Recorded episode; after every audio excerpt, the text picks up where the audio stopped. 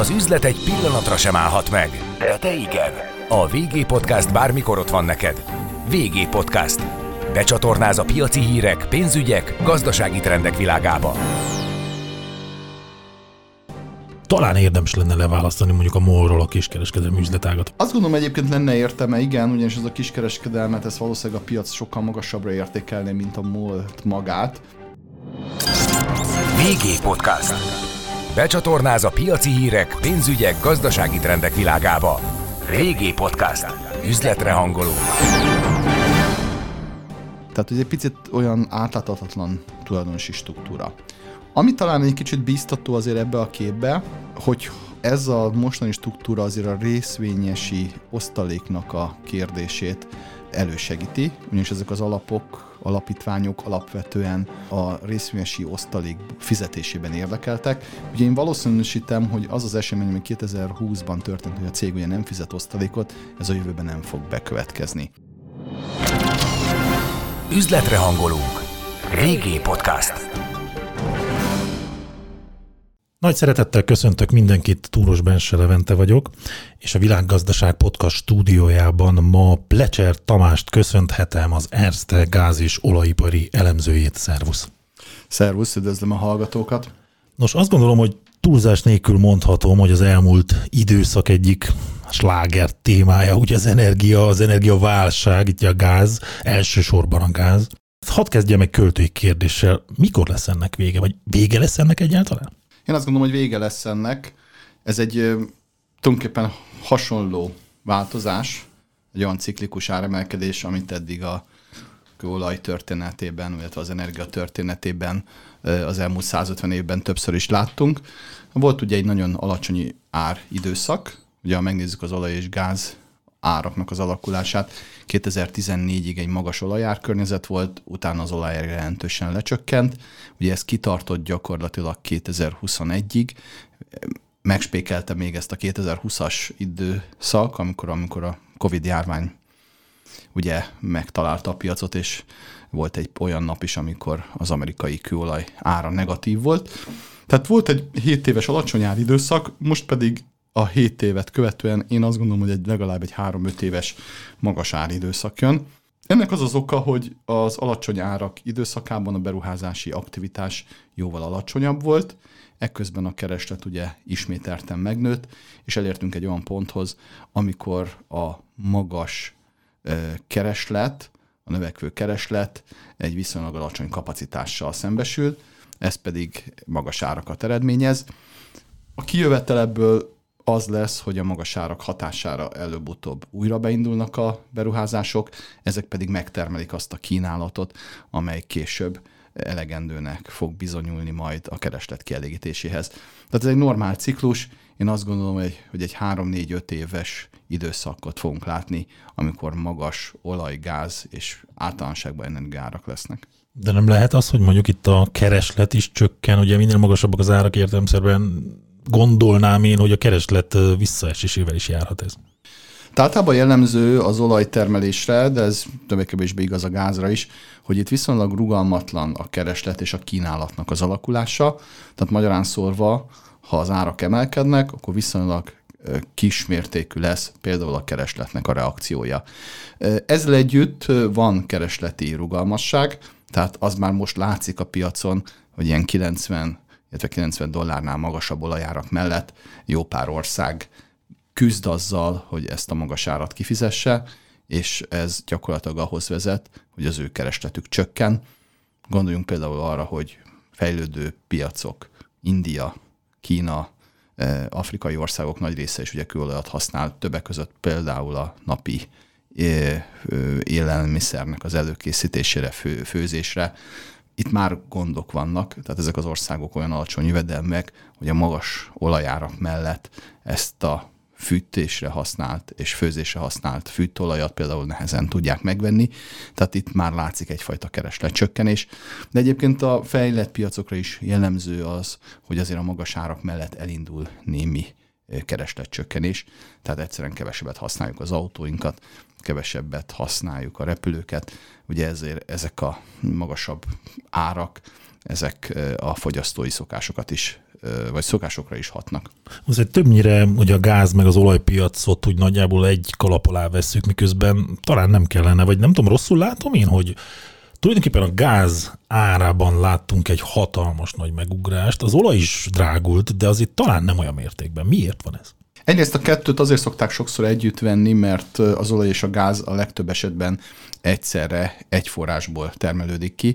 Tehát amikor megfúr egy olajcég egy szénhidrogén kutat, ott legtöbbször kőolaj és földgáz is jön ki egyszerre.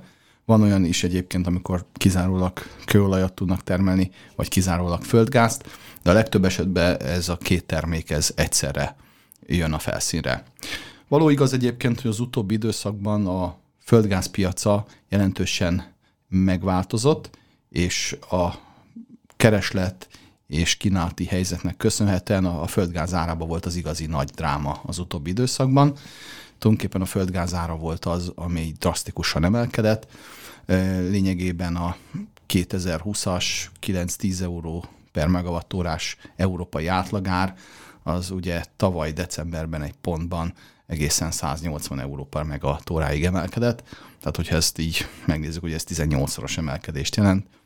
Itt volt egy nagyon komoly változás, egy komoly dráma. A kőolaj esetében kevésbé volt jellemző ez a nagy ármozgás. Hozzá kell tennem, hogy a kőolajnál ugye van egy OPEC, aki próbálja ezt a piacot befolyásolni. A földgáznál nincs egy ilyen kartelszerű szervezet, mint az olajtermelők szövetsége. Ez utóbbi szervezet egyébként folyamatosan próbálja olyan mértékben alakítani a kínálatot, hogy az kielégítse a keresletet, és ilyen nagy mértékű jelentős ármozgások azok ne legyenek a kőolajpiacán. Jó, de hogyha mondjuk nem lenne ez a kartel, akkor az jóval olcsóbb is lehetne az olaj. Vagy rosszul látom? Én azt gondolom, hogy ők igyekeznek egy olyan árat megtalálni, ami elfogadható számukra is, és a vevők számára is, és igyekeznek egy olyan politikát folytatni, hogy ezt a bizonyos ármozgást, a szakszóval érve volatilitást jelentősen csökkentsék. Egyébként ez érdeke a vevőknek is, és érdeke az eladóknak is. Ugyanis nem csak az szokott problémát okozni az energiapiacokon, hogyha valaminek úgymond magas az ára, hanem az is, hogyha ez az ár olyan mértékben és olyan gyorsasággal változik, ami lehetetlenné teszi például a ipari tervezést, vagy a piaci előrejelzéseket. Ez komoly gondot okoz a vállalatoknak, az államoknak és a fogyasztóknak egyaránt. Tehát a kartel, az OPEC ilyen értelemben egyfajta hasznos tevékenységet folytat. Én azt gondolom, hogy ők azért kb. ugye egyharmadát jelentik a világ olaj kínálatának, nincs akkora befolyásuk, hogy tartósan magasan, vagy tartósan alacsonyan tudnák tartani az árat, viszont a szerepük abban fontos lehet, hogy az árpiacnak a volatilitását, változékonyságát tudják csökkenteni, ilyen értelemben pedig szerintem alapvetően pozitív szerepük is van. Na most, hogyha ugye egy szereplőkről beszélsz, akkor nyilván adódik a palaolaj kitermelés. Ugye korábban, egy jó pár évvel ezelőtt folyamatosan az volt, hogy ahogy ment fölfele az olajára, kapcsolódtak be a pala a olaj kitermelők, és nyomták vissza az árfolyamot. De annak idején arról is beszéltek, hogy a gáz az gyakorlatilag egy melléktermék, és egyszerűen nincs mit kezdeni vele, és elégetik. De most hol van? Hova tűntek ezek a palaolaj termelők? Miért nem adnak ők gázt, vagy miért nem nyomják le ők az olajárat?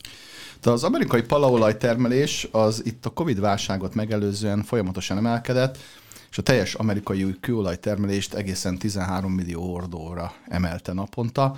Ezzel egyébként az Egyesült Államok lett lényegében a legnagyobb kőolajtermelő a világon.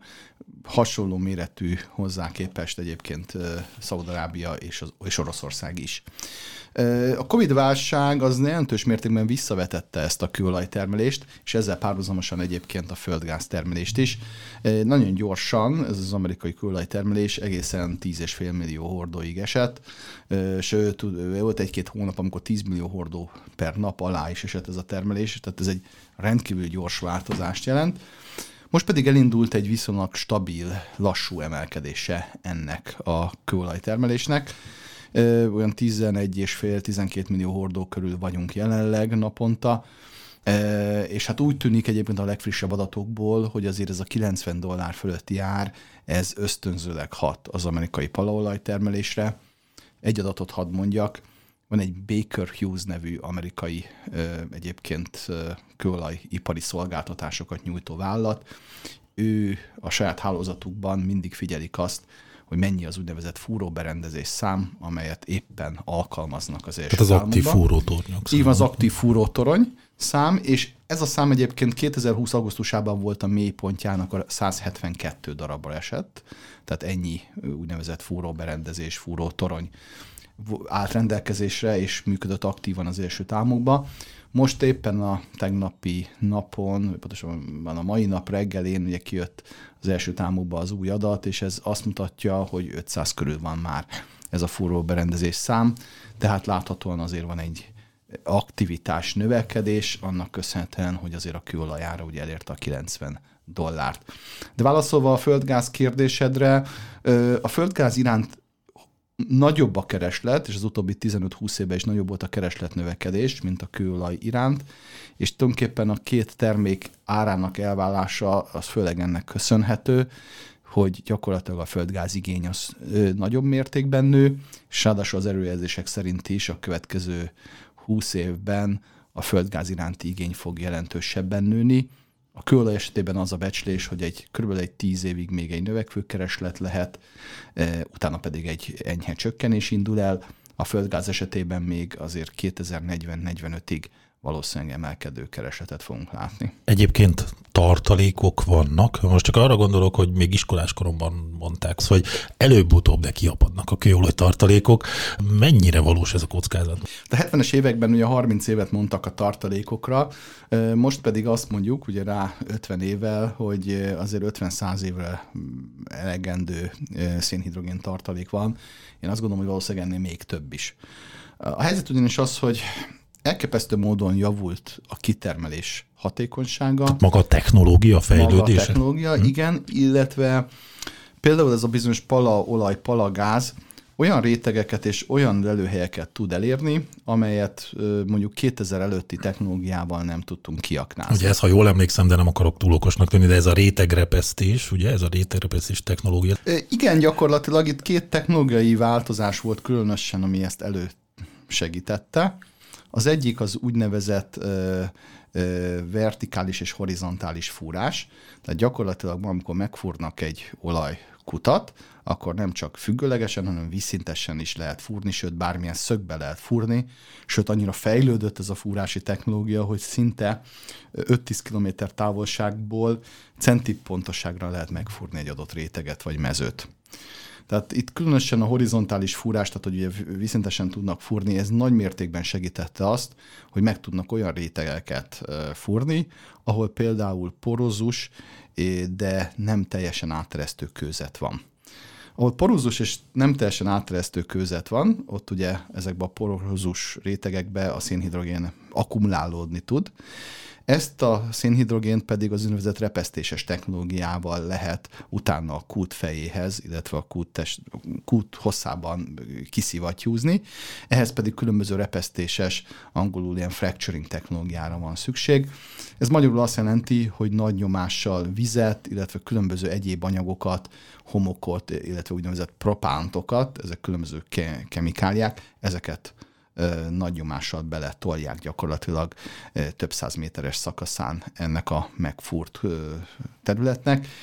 Megrepesztik ezzel a kőzetet, majd utána a következő egy-két év során a repesztésekből a felgyülemlett szénhidrogént kiszívják. Tehát ez a technológia az 2000 előtt nem nagyon létezett, és igazából 2010-től kezdett el elterjedni nagy mértékben az USA-ban. Elég sok vitát is kiváltott annak idején, mármint ilyen környezetvédelmi okokra hivatkozva, ugye sokan támadták ezt a igen, ez pontosan így van, hiszen ezek az anyagok, például a propántok, ezek nem mindegyik éppenségek környezetbarát anyag. Maga a repesztés az egy két-három hétig tartó jelentős hanghatással bíró esemény lehetett olvasni például a National Geographic írásokban, hogy 3-4 kilométeres körzetben az összes élővilág elmenekül ilyenkor, olyan nagy hanghatással bír ez. Jelentős területet ugye ledózerolnak ahhoz, hogy ezt a fúrást meg lehessen tenni, illetve adott esetben, ha nem megfelelően végzik ezt a repesztést és fúrást, akkor előfordultak olyan estek, hogy a felszíni vizekben megjelentek szénhidrogének, vagy ezekből a bizonyos propánt anyagokból, amit repesztéshez használnak, ezekből megjelentek származékok. Egyébként, ha megfelelően csinálják, és erre azért vannak ma már elég szigorú iparági szabványok, akkor azért viszonylag biztonságosan lehet ezt megtenni. Nyilván azért jelentős környezeti hatása van ennek. Párizsi medencében nagyon nagy mértékben találtak például földgázt, de én például azt nehezen tudom elképzelni, hogy mondjuk az Eiffel toronynak a lábánál legyen egy ilyen tevékenység a jövőben. Tehát azért megfelelő környezet is kell ehhez. Texason már száz éve ugye olajtermelés van, ahol ez igazából kialakult, ott tulajdonképpen már hozzászoktak. Hát az emberek hozzászoktak furótornyokhoz valóban. Nem véletlenül hoztam föl ezt a, a szálat, úgymond, ezt a környezetvédelmi szálat. Ugye azt tudjuk, hogy, vagy hát elmondtad te is, hogy olaj az talán még van bőven. Na de kérdés az, hogy mennyire lesz rá szükség, és most itt, itt az elsőbb az ESG-re gondolok. Említetted, hogy szétvált egy picit a kőolaj meg a földgáz, tehát nagyobb igény van a földgázra, nagyobb a kereslet. Ez ebben emögött nem állhat az ESG is? Tehát, hogy ma már nem trendi úgymond olajat használni, vásárolni, olajcéget vásárolni adott esetben. Nyilvánvalóan, hogy a környezetvédelmi szempontok, különösen a globális klímaváltozás elleni harc, az nagy mértékben hat a jövőben a kőolaj és a földgáz keresletére és felhasználására. Tulajdonképpen nagyon jó lenne minél hamarabb ezektől az anyagoktól megszabadulni. Nyilván teljesen nem fogunk tőlük megszabadulni, ugyanis hát van olyan terület, például a petrolkémia, ahol a kőolajnak és a földgáznak nagyon fontos szerepe van, de nagyon sok helyen egyébként használjuk a kőolajat és a földgázt, tehát valószínűleg inkább arról lesz szó, hogy jelentősen csökkenteni kellene a felhasználását, különösen a, az anyagoknak az elégetését. Na most a két termék között van egy olyan különbség, hogy a kőolaj égetése során több CO2 keletkezik. Ennek egyszerű kémia az oka, itt gyakorlatilag hosszabb szénláncok vannak.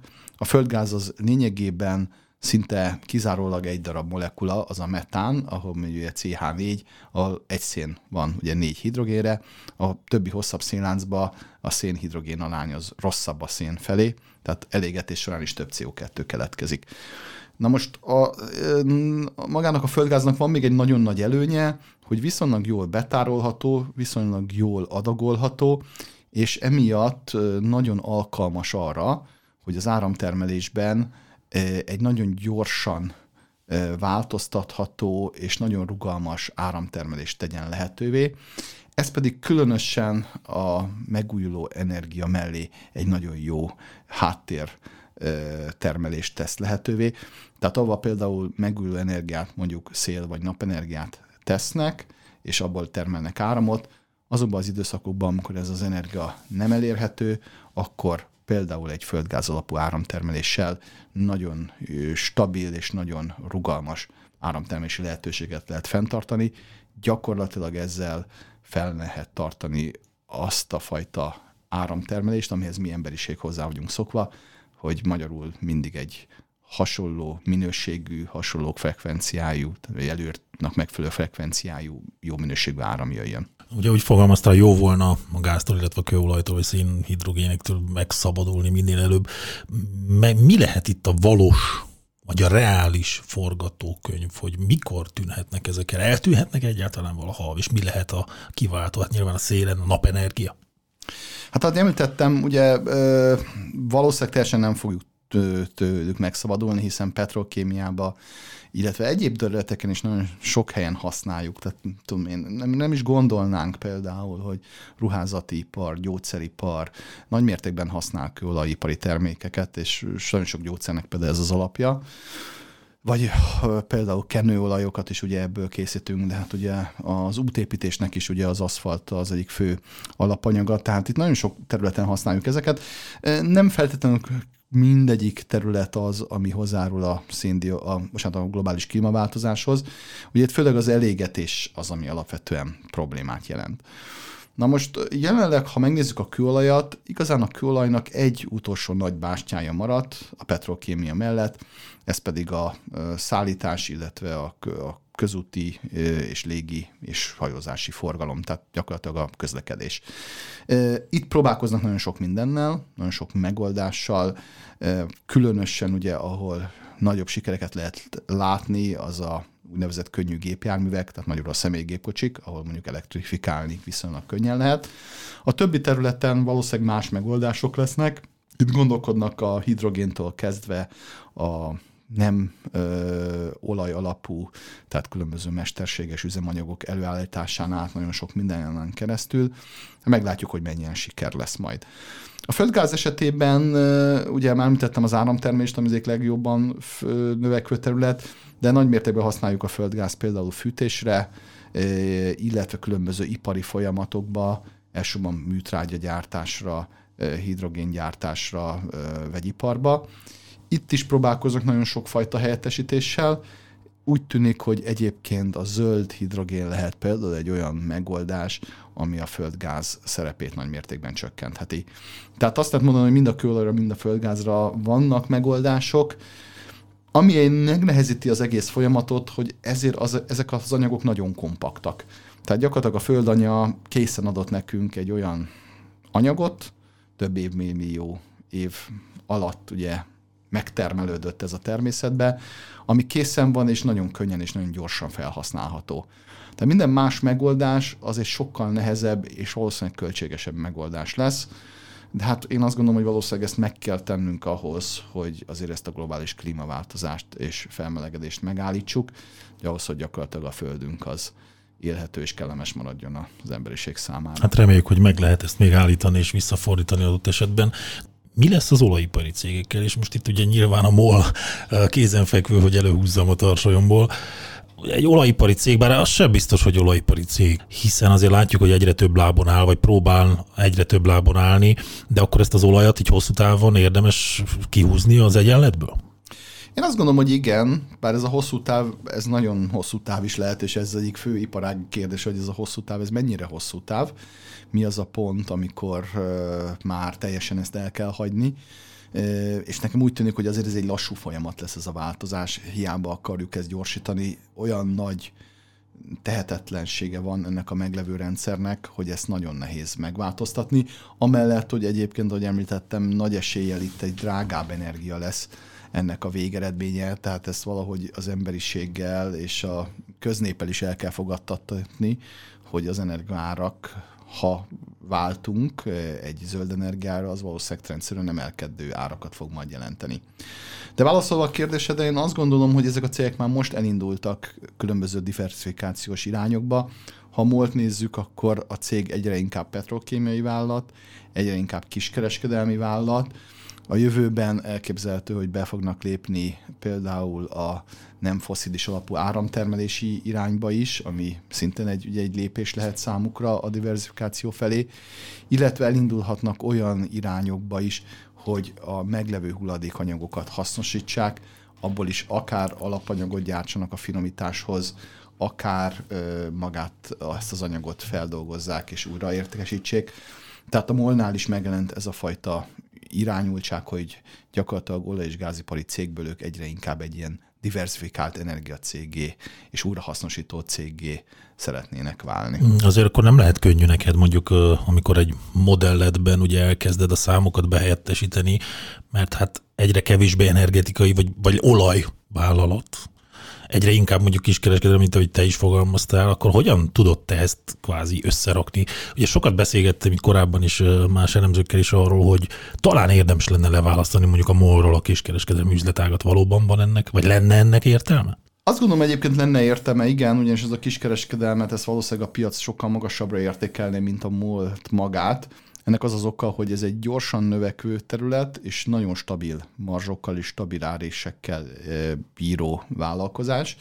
Tehát ez biztos, hogy egy sokkal magasabb árazási, értékelési jellemző és mellett forogna, tehát mondjuk magasabb értékelési mutatókat kapna egy ilyen vállalat, mint maga a MOL. De válaszolva az első kérdésedre is, nagyon nehéz értékelni ezeket az új vállalkozásokat, ugyanis abszolút nincsen tapasztalatunk arról, hogy például egy újrahasznosított műanyag feldolgozásnak milyen elvárt hozama van, milyen tapasztalatok vannak, mennyire ciklikus ez az adott vállalkozás. Tehát teljesen új iparágakat kell beépíteni a molba és elemezni, Általában ezt úgy szokta az ember legegyszerűbben végezni egyébként elemzői oldalról, hogy van ugye egy tőkebefektetés, és van egy olyan elvárt hozam, amit egyébként szerintem el kell érni egy ilyen beruházástól. És az a logika, hogy ezek a cégek akkor csinálják ezeket a beruházásokat csak, hogyha azért ezekkel az elvárt hozamokat el tudják érni.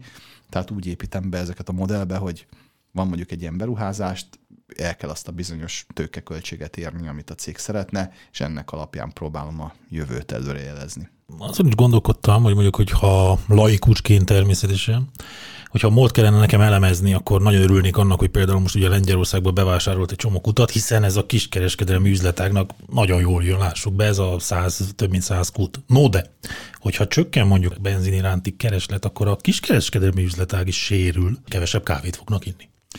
Ez való igaz, viszont valószínűleg új szolgáltatásokat tud majd a MOL nyújtani az ügyfeleinek. Ők erre nagyon nagy mértékben készülnek is. Lesznek ugye töltési lehetőségek, elektromos áramot fognak kínálni az elektromos autósoknak.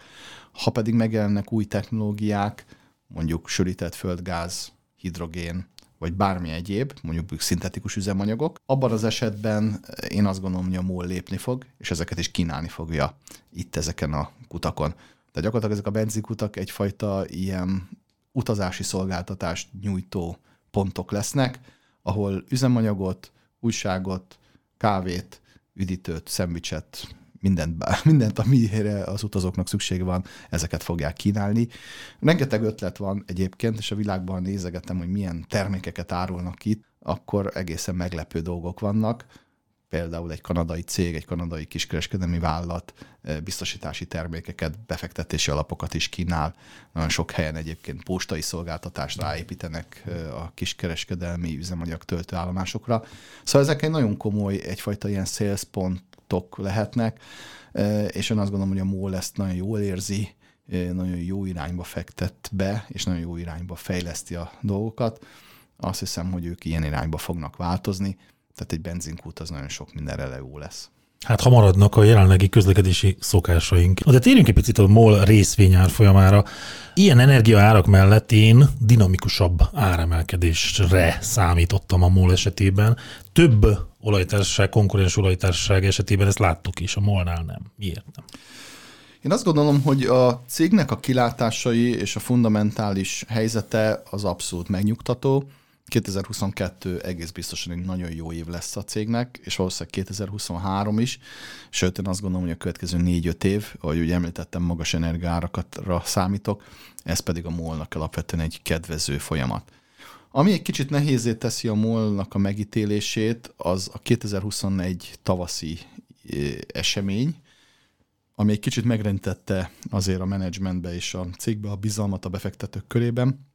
Ez, ez volt az a bizonyos részvényesi juttatás, vagy részvényadományozás, amit a cég ugye egy állami alapba tett.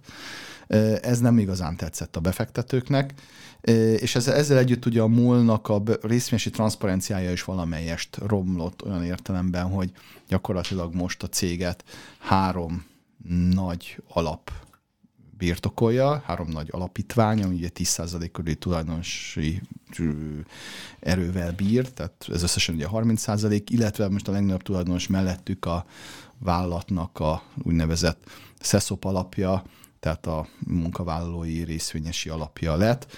Tehát ugye egy picit olyan átláthatatlan tulajdonosi struktúra. Ami talán egy kicsit bíztató azért ebbe a képbe, hogy ez a mostani struktúra azért a részvényesi osztaléknak a kérdését elősegíti, ugyanis ezek az alapok, alapítványok alapvetően a részvényesi osztalék fizetésében érdekeltek. Ugye én valószínűsítem, hogy az az esemény, ami 2020-ban történt, hogy a cég ugye nem fizet osztalékot, ez a jövőben nem fog bekövetkezni. Egyébként, ha megnézzük a molnak magát a befektetési történetét, ugye ez nem egy növekedési sztori igazából nem is egy felvásárlási történet, hiszen láttuk, hogy ezt a múlt nem igazán lehet felvásárolni. Én azt gondolom, hosszabb távon a legfontosabb a befektetőknek az, hogy miként alakul az osztaléknak a mértéke, mennyivel nő az osztalék, mekkora részét fizeti ki a társaság a nettó nyereségének osztalékként, és tulajdonképpen végül is az, hogy ugye három alapítvány, illetve egy munkavállalói szervezet a legnagyobb részvényesi birtokló entitás, és ők gyakorlatilag kontrollálják ugye a társágot, azért ez, egy, ez biztosítja azt, hogy a cég valószínűleg a jövőben is fog osztalékot fizetni, jó eséllyel, ha megengedi a tevékenysége, akkor növekvő osztalékot. Tehát ez lesz igazából a legfontosabb befektetési történet a módnál. Hát most az elmúlt időszakban ugye ezt láttuk a szektortársaknál, hogy igen, csak gálás osztalékokat fizettek. Gondolom ez is, ez sem véletlen. Tehát ez is közrejátszik, vagy ebben is közrejátszik az ESG. Tehát próbálják így B tenni ezeket a papírokat. Hát ugye ezt a szektort rendkívül módon leírták és eladták. Hát csak egy példát mondjak, 20 évvel ezelőtt az olaj és gáz az közel 30%-os súlyjal bírt a Standard Poor 500-ba, ez pedig lement, az, azt hiszem a mélypontja az ilyen 3% alatt volt. Ezek a részvények rendkívül olcsóak. Hát az ExxonMobil ugye a világ legnagyobb független, tehát nem állami olaj- és gázcége, annak a market capitalizációja 150 milliárd dollár, ha nem tévedek. Ezzel szemben ugye az Apple piaci részesedése pedig már bőven 1000 milliárd dollár fölött van. Vagy éppenséggel megnézzük azt, hogy volt egy időszak, egy pont, emlékszem, amikor a Zoom, nevű cégnek a market kapitalizációja, tehát a piaci kapitalizációja magasabb volt, mint az ExxonMobilé. Tehát lényegében a, ezeket a cégeket pont az ESG szempontok miatt rendkívül mértékben eladták a, a befektetők, nagyon sok befektető teljesen kiszállt ezekből. Azt mondták, hogy ezek a cégek bűnösök, szinte ilyen kifejezések voltak, azért, hogy a világ ugye globálisan felmelegszik. És hát ezek a vállalatok ugye próbálnak most változtatni, hát látjuk azt, hogy próbálnak ugye egy inkább zöld irányba menni, és azt gondolják, hogy a részvényesek felé nagyobb kifizetést kell teljesíteni. Ez mind azt hozza magával, hogy növekedett a részvény visszavásárlásoknak a mértéke, és ezek a cégek mind növelték az osztalékukat is. Mi egyébként azt javasoljuk, hogy ezeket a cégeket meg kell vásárolni. Nagyon olcsók ezek a részvények. Éppen ma néztem az osztrák OMV árazását, ugye három és feles EV per EBITDA mellett forog, ez magyarra lefordítva az adózás kamatfizetés előtti nyerességének a három és félszerese a teljes cégérték.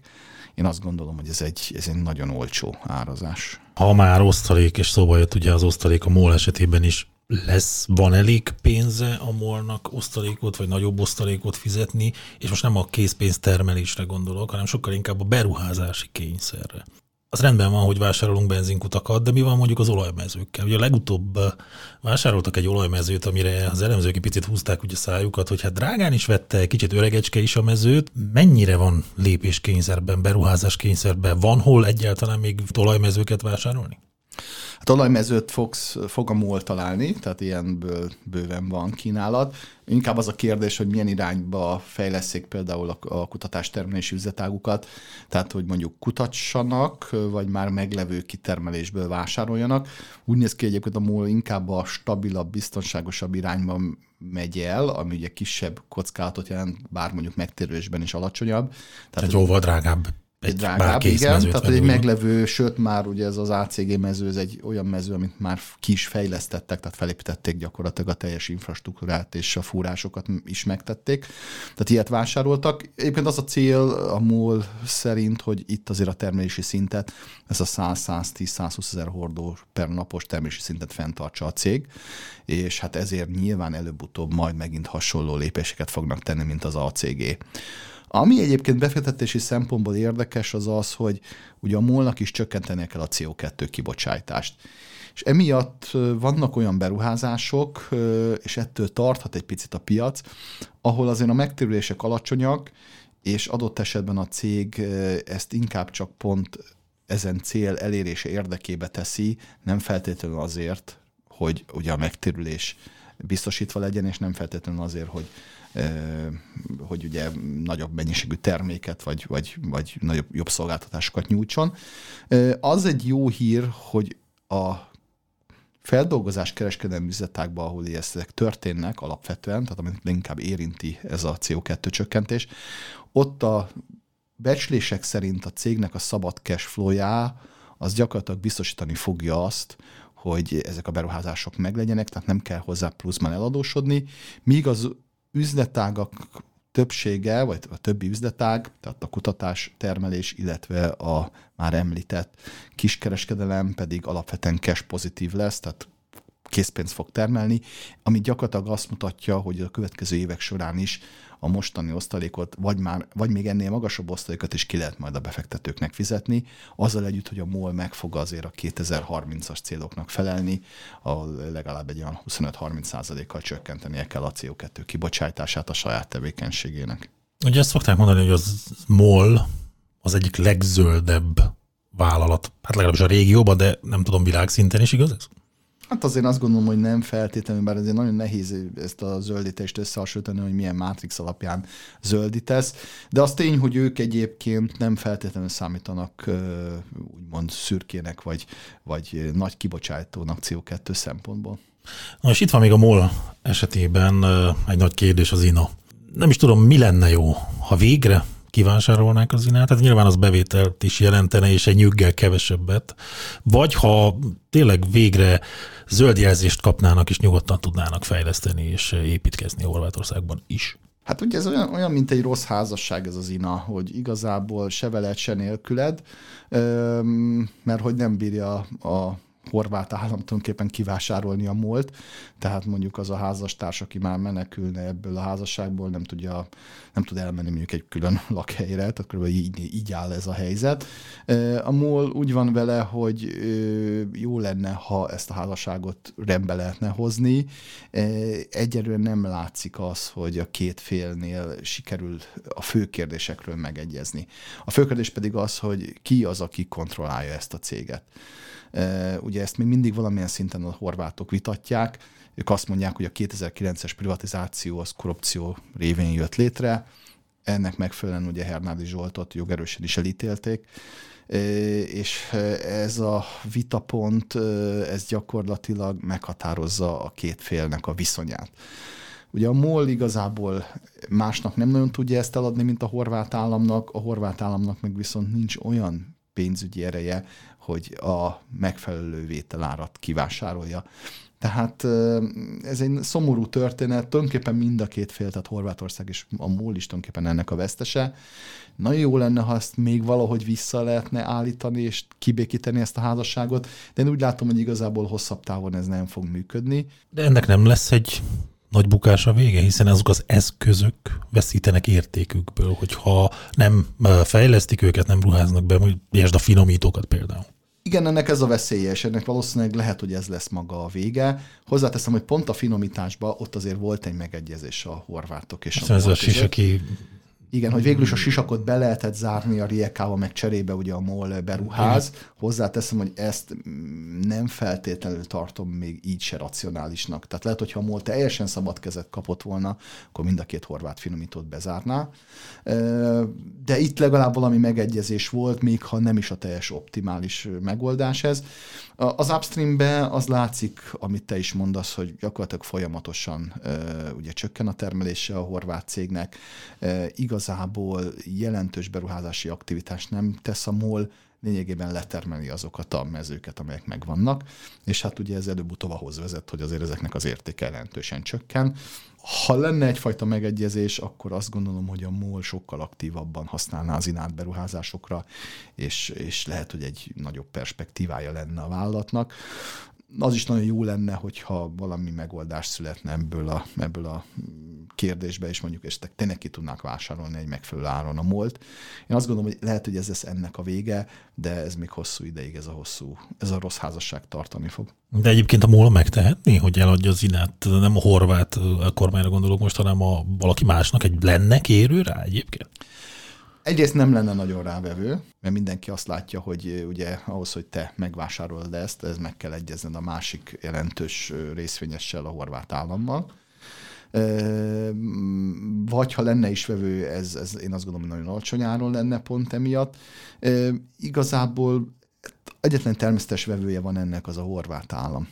Ez lenne a racionális döntés igen, részükről igen. is nyilván. Ezt a céget nem lehet úgy üzemeltetni, hogy a horvát államot nem veszed be, vagy vele megyezel meg vele a fontos kérdésekről. Tehát ő gyakorlatilag egy akkor is egy partner ebbe, hogyha száz százalékig eladja a részvényeket. A régión belül egyébként hogyan pozícionálja magát a MOL? Most csak arra gondolok, hogy ugye itt az OMV, nem minden területen versenyeznek egymással. Ha megnézzük a, a magukat a stratégiákat, ugye a MOL-nál alapvetően a petrokémia és a kiskereskedelem hangsúlya nagyon fontos. Ugye említettem már, hogy a termelésben csak fenn akarják tartani a mostani aktivitást, finomítóba pedig alapvetően ezeket a bizonyos környezetvédelmi beruházásokat akarják véghez vinni. Az OMV-nél ott a hangsúly egy picit más, ott is nagyon erős a petrokémia, ugye megvették a Borealis nevű céget, ők náluk is most azért a kitermelés fókusz az el, csökkent, tehát korábban növelni akarták a termelést, most inkább a, a 470-480 ezer hordó per napos kitermelésük fenntartása mellett tették le a voksot de ők egyébként diversifikáltak jelentősen nemzetközileg, tehát nekik azért Új-Zélandtól kezdve az Egyesült Arab Emirátusokon keresztül nagyon sok helyen vannak beruházásaik. Kicsit kinyitottak keleti irányba, tehát hogy Oroszországba is vettek mezőket, illetve Ázsia felé. Tehát ott azért a, azt kell mondanom, hogy a geográfiai fókusz is más, illetve a mullal a való direkt verseny sem különösen erős. Mind a két cég petrokémia felé nyit, de azért egy kicsit ellen, más jellegű petrokémiát csinál a OMV, mint a MOL. Például a petrokémiában a Borus nevű egyébként Egyesült Arab Emirátusokban lévő egységet fejleszt éppen most az UMV, még a MOL ugye az európai petrokémiát. Tehát nincs a két cég között olyan direkt erős verseny, még akkor sem, hogy egyébként petrokémiában hasonló a stratégia. Nem ugyanaz a termékre fókuszálnak, ugye a MOL az a, ez a bizonyos poliorra, a Borealis inkább a hagyományos polipropilén, polietilénre, illetve geográfiailag is más a fókusz. A MOL ugye Magyarországon fejleszt, az OMV meg éppenséggel most közel-keleten, illetve, illetve Európán kívül. Most itt szóba került ugye Oroszország, és hát nem mehetünk el szó nélkül itt az orosz-ukrán konfliktus és az egész gázmizéria, ami kialakult ezzel kapcsolatban itt az Európai Unión belül. Van alternatív az orosz gázra? Lehet egyáltalán Európa számára, úgy értem? Rövid távon nem. Hosszabb távon igen. Hosszabb távon úgy értem, hogy ez legalább kell egy 7-8 esztendő, hogy le tudjunk az orosz gáztól válni. Ugye azért jelentős cseppfolyós földgáz kínálat jön majd, főleg 2025 után ismét a világban, azt be lehetne Európa felé csatornázni, illetve hát Európának azért vannak egyéb lehetőségei vezetékes gázban is, itt elsősorban a földközi tengerre gondolok, Ugye Ciprusnál találták meg az elmúlt húsz év legnagyobb földgáz találatát egy pár éve. Ha mondjuk Törökországgal és a ciprusi közösséggel meg lehetne egyezni, akkor nyilván ezt a földgázt ki lehetne termelni és ez becsatornázná például az izraeli vagy az egyiptomi földközi tengeri gáz lelőhelyeket, ahol szintén nagyon nagy mennyiségű gázt találtak. Tehát ilyen értelemben van alternatíva. Ja, rövid távon nem, tehát rövid távon ez a 40-45 százalék körüli orosz arány csökkentése az gyakorlatilag lehetetlen. Ugye Romániában is beszéltünk róla egy pár perccel ezelőtt, hogy ott ugye a Fekete-tengerben találtak egy jó nagy gázmező, gázmezőt. Ugye az, ha jól tudom, az ÖMV, és valamelyik amerikai cég, Chevroné talán? Nem, az az Exxon Mobilé volt, de most eladta, tehát most két román vállalat, a Petrom, illetve a Romgáz fogja majd fejleszteni ezt a mezőt. De hogy ezt, ez most már évek óta hír. Miért nem nyitják meg a gázcsopokat?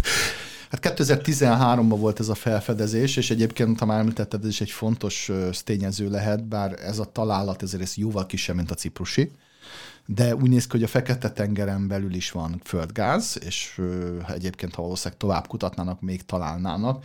A Törökország a török vizeken, a Fekete-tenger török területén találtak például még egy hasonlóan nagyon nagy mezőt, ennek a legfőbb oka a politikai.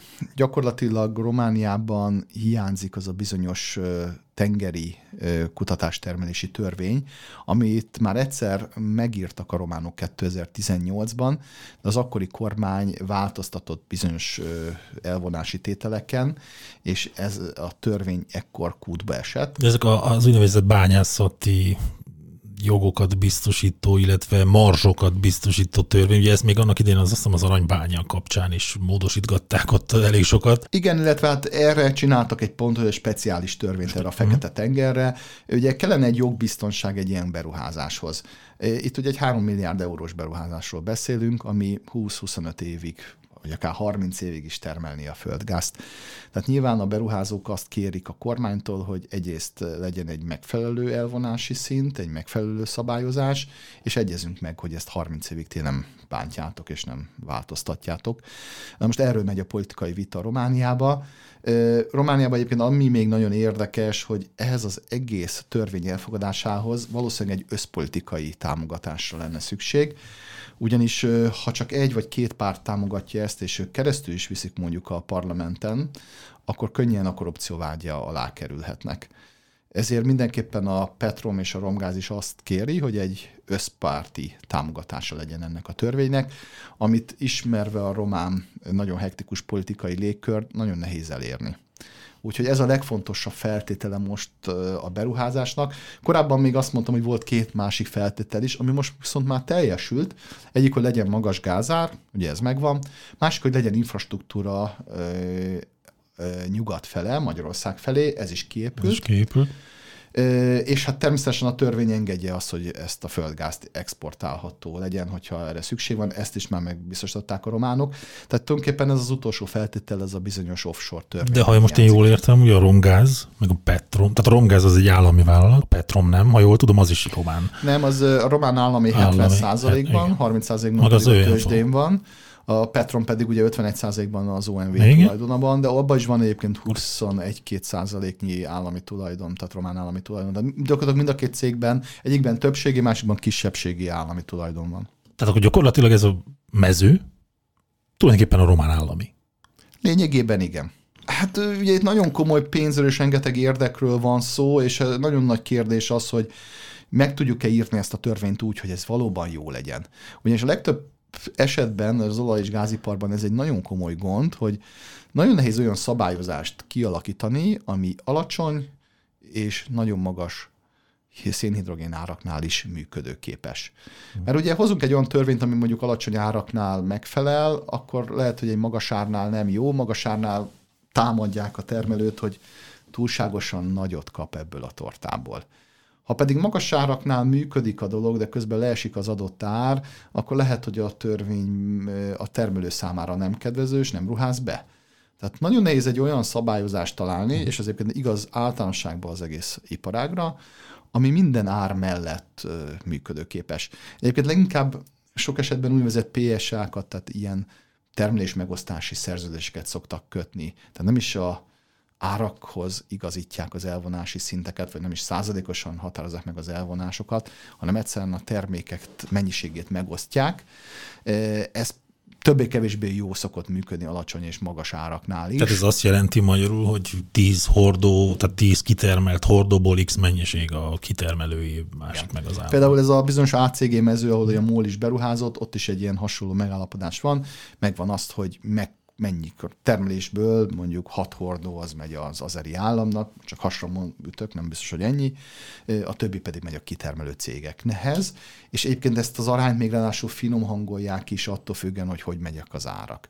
Tehát ez egy olyan szerződési minta, ami többé-kevésbé elfogadható és működik. Hozzá kell tennem azt is, hogy azért a nagyon nagy változás van, mondjuk nagyon magas olajárnál.